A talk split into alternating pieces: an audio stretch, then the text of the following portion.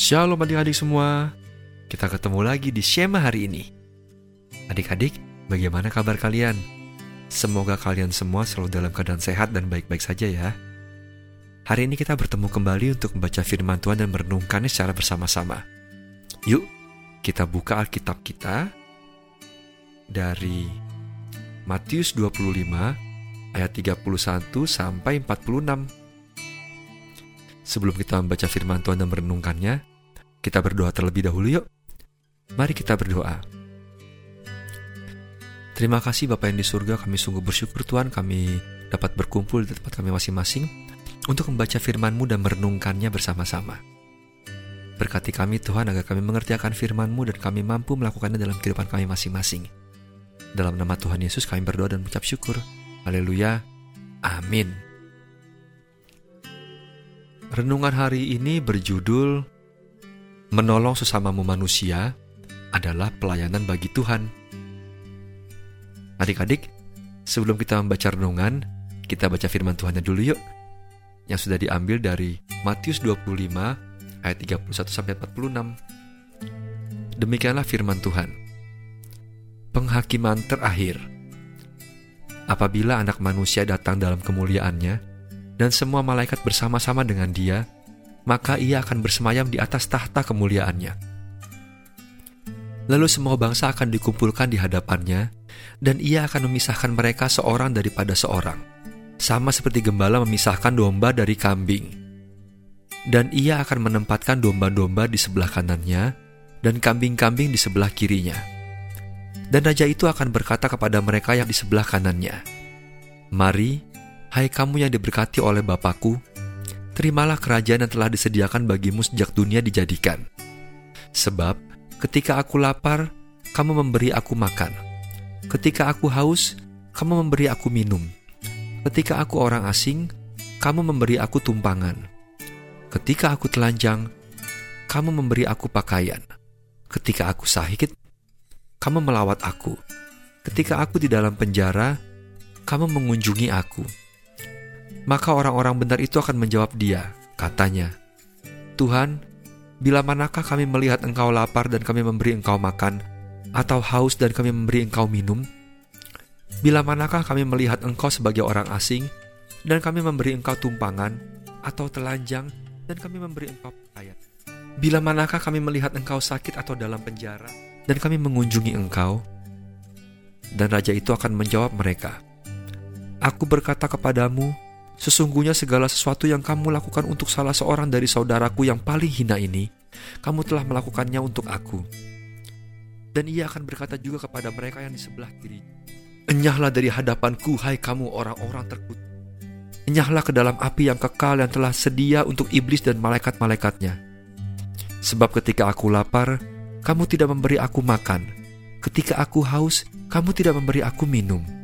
Ketika aku orang asing, kamu tidak memberi aku tumpangan.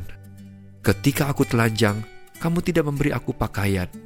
Ketika aku sakit dan dalam penjara, kamu tidak melawat aku.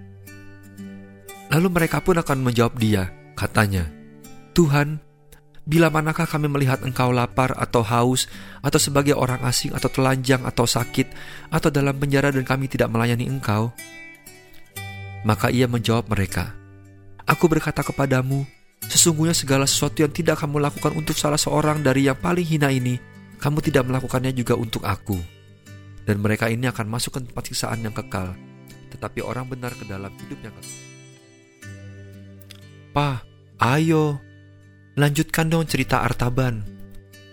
Jadi dia bisa bertemu dengan Yesus tidak apa? Pinta mentari malam itu usai makan malam. Papa tersenyum. Mentari belum kenal Artaban kan? Ayo Papa lanjutkan.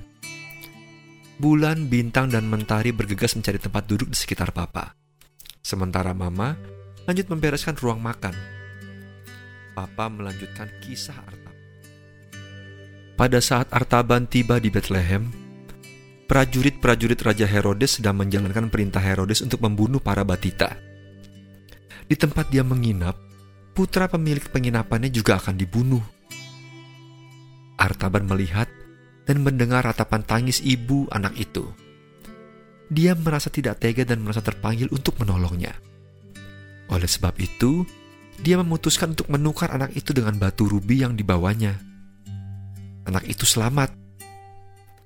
Artaban bertambah sedih karena batu permata untuk sang raja semakin berkurang, bahkan hanya tinggal satu saja. 30 tahun lebih dia mencari sang raja di mana-mana. Dia terkejut ketika mendengar bahwa sang raja yang dicarinya selama bertahun-tahun akan disalib di Golgota. Saat itu Artaban hanya punya batu permata terakhir, yaitu batu mutiara putih. Ia terhibur sebab ia berpikir dapat menggunakan batu terakhir ini untuk menebus hidup sang raja agar dia tidak disalib. Nah, bisa kita lanjutkan lagi ya. Sudah malam, sudah waktunya berdoa. Papa mengakhiri ceritanya walaupun anak-anak merengek minta dilanjutkan.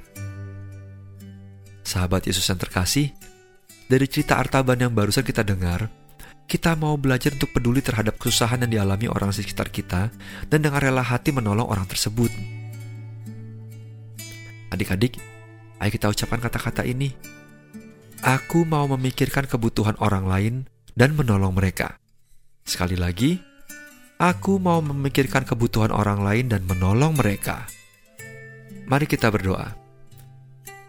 Bapa di surga, kami tahu manusia punya batasan untuk menolong Ajar kami dapat memikirkan kebutuhan orang lain dan menolong mereka ya Tuhan. Terima kasih Tuhan. Dalam nama Tuhan Yesus kami berdoa.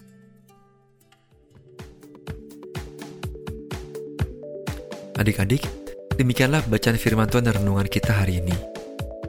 Kita ketemu lagi di Shema yang berikutnya ya. Salam sehat selalu, dan sampai jumpa. Tuhan Yesus memberkati. Bye-bye.